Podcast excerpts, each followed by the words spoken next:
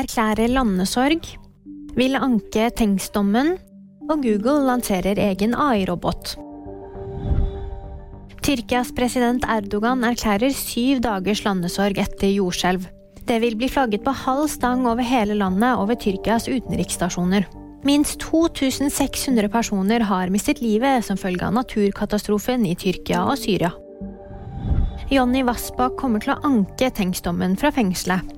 Men først må den forsynes fram, det sier forsvarer Stian Christensen.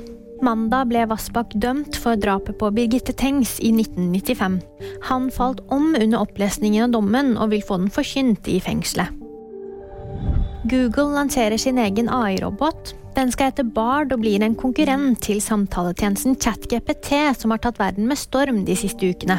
I første omgang vil tjenesten være tilgjengelig for noen utvalgte testpersoner, men vil i de kommende ukene åpnes for alle. Det var VG nyheter. De fikk da meg, Jammen Britgar.